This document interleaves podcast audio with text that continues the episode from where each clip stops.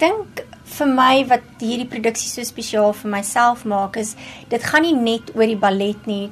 Die hele ballet gaan grootendeels ook oor die emosie daar agter. So ons sal net maar sê jy kry kans om baie te act in hierdie produksie spesifiek. Jy weet byvoorbeeld in Sleeping Beauty of so is daar nie soveel acting en soveel verskillende emosies wat gebeur nie.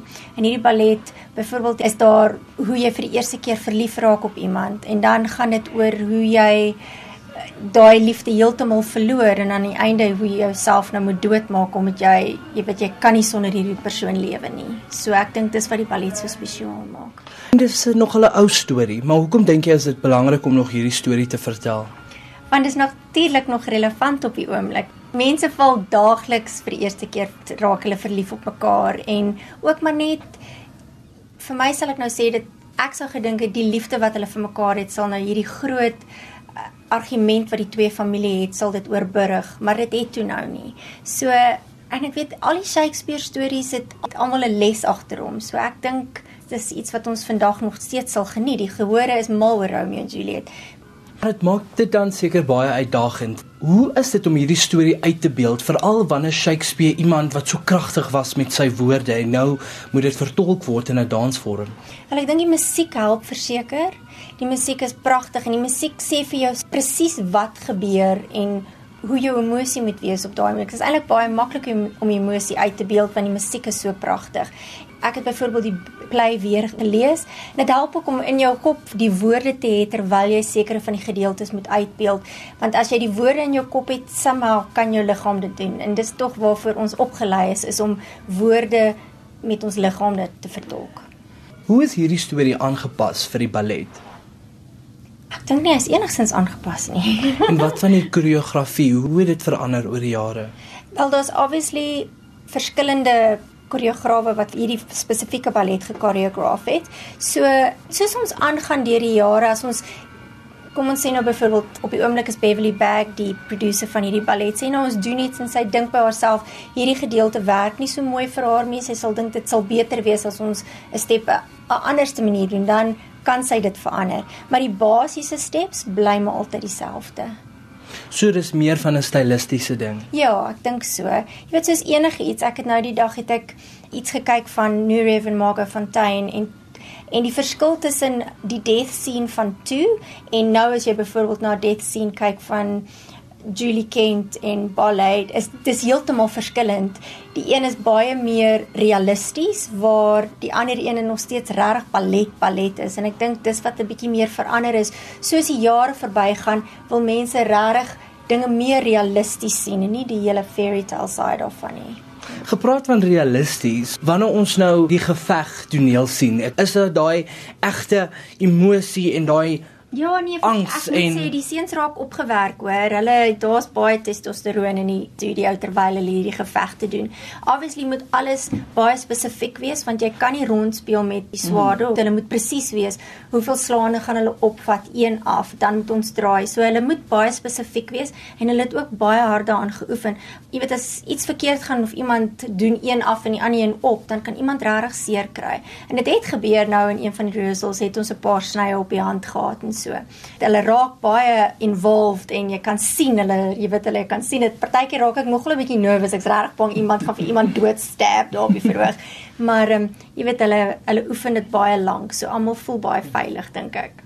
Is daai toneel dan een van die mees tegniese tonele of is daar ander wat meer tegnies is? Wel, ek dink vir die Cordobella is daai baie tegniese toneel want daar is soveel wat op die verhoog aangaan mm. en jy sal dink dit lyk soos chaos maar almal weet presies wat hulle moet doen sodat daar nie iemand byvoorbeeld 'n ander persoon voor 'n swaard instamp of iets nie. Mm. So vir die Cordobella is dit baie tegnies. Vir ons is die mees tegniesste gedeelte sal ek sê die die balcony pas de deux vir die principal dancers. Dis die moeilikste dansgedeelte.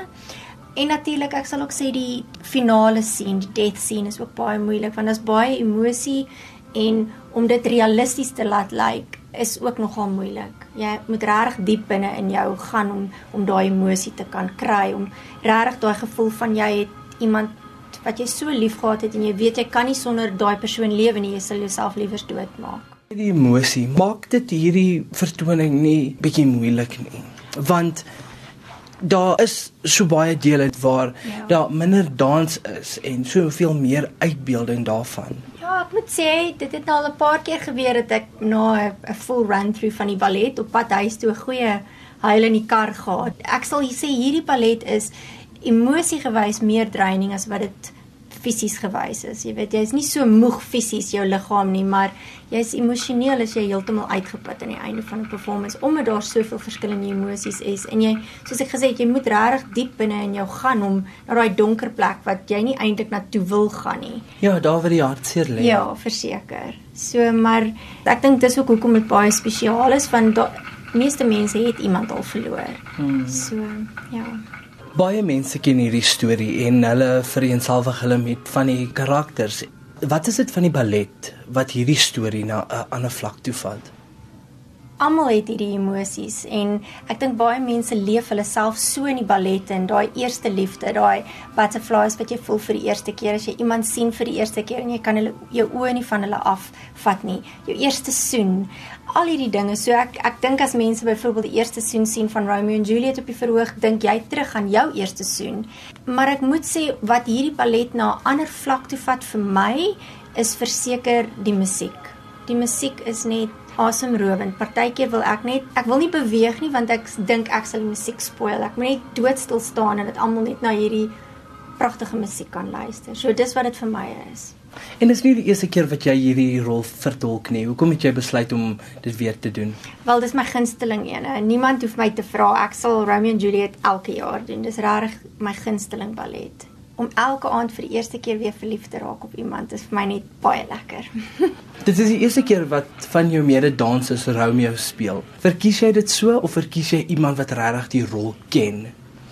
Die Romeos wat ons hierdie seisoen het, is almal bring iets van hulle self na die rol toe en ons dansers kan net soos enigiemand anders die rol pragtig vertolk en dis actually vir my baie lekker om te sien hoe die dansers groei in die rol vandat mm. ons dit begin leer van want obviously ken ek die ballet nou van die begin af ken ek dit al Ja. en nou kan ek sien hoe hulle van leer gaan en hoe dit hulle hulle eie maak. So elke kaas wat 'n mens hierso sien, het iets anders en so ek sal altyd vir mense sê moenie net een keer kom nie, moenie net na een kaas kom kyk nie, kom kyk na iemand anders ook want almal is verskillend en almal is bring iets pragtigs van hulle self na hierdie rol. Dis wat die rolle so amazing maak is jy kan baie van jouself in die rol insit. Dit is 'n baie passievolle stuk. Wat het jy al hiervan geleer en wat leer jy met elke keer wat jy hierdie rol vertolk? elke keer wat ek 'n actual performance doen, is dit anders en ek dink dis wat dit so amazing maak. Ek moet sê nou op die oomblik probeer ek net elke elke rehearsal, elke run through, elke performance net so baie geniet want partykeer raak 'n mens so heeltemal involved met oeg dit was nie perfek nie en dit het nie vir my goed gevoel nie om verby dit te kom en dit net die produksie te geniet.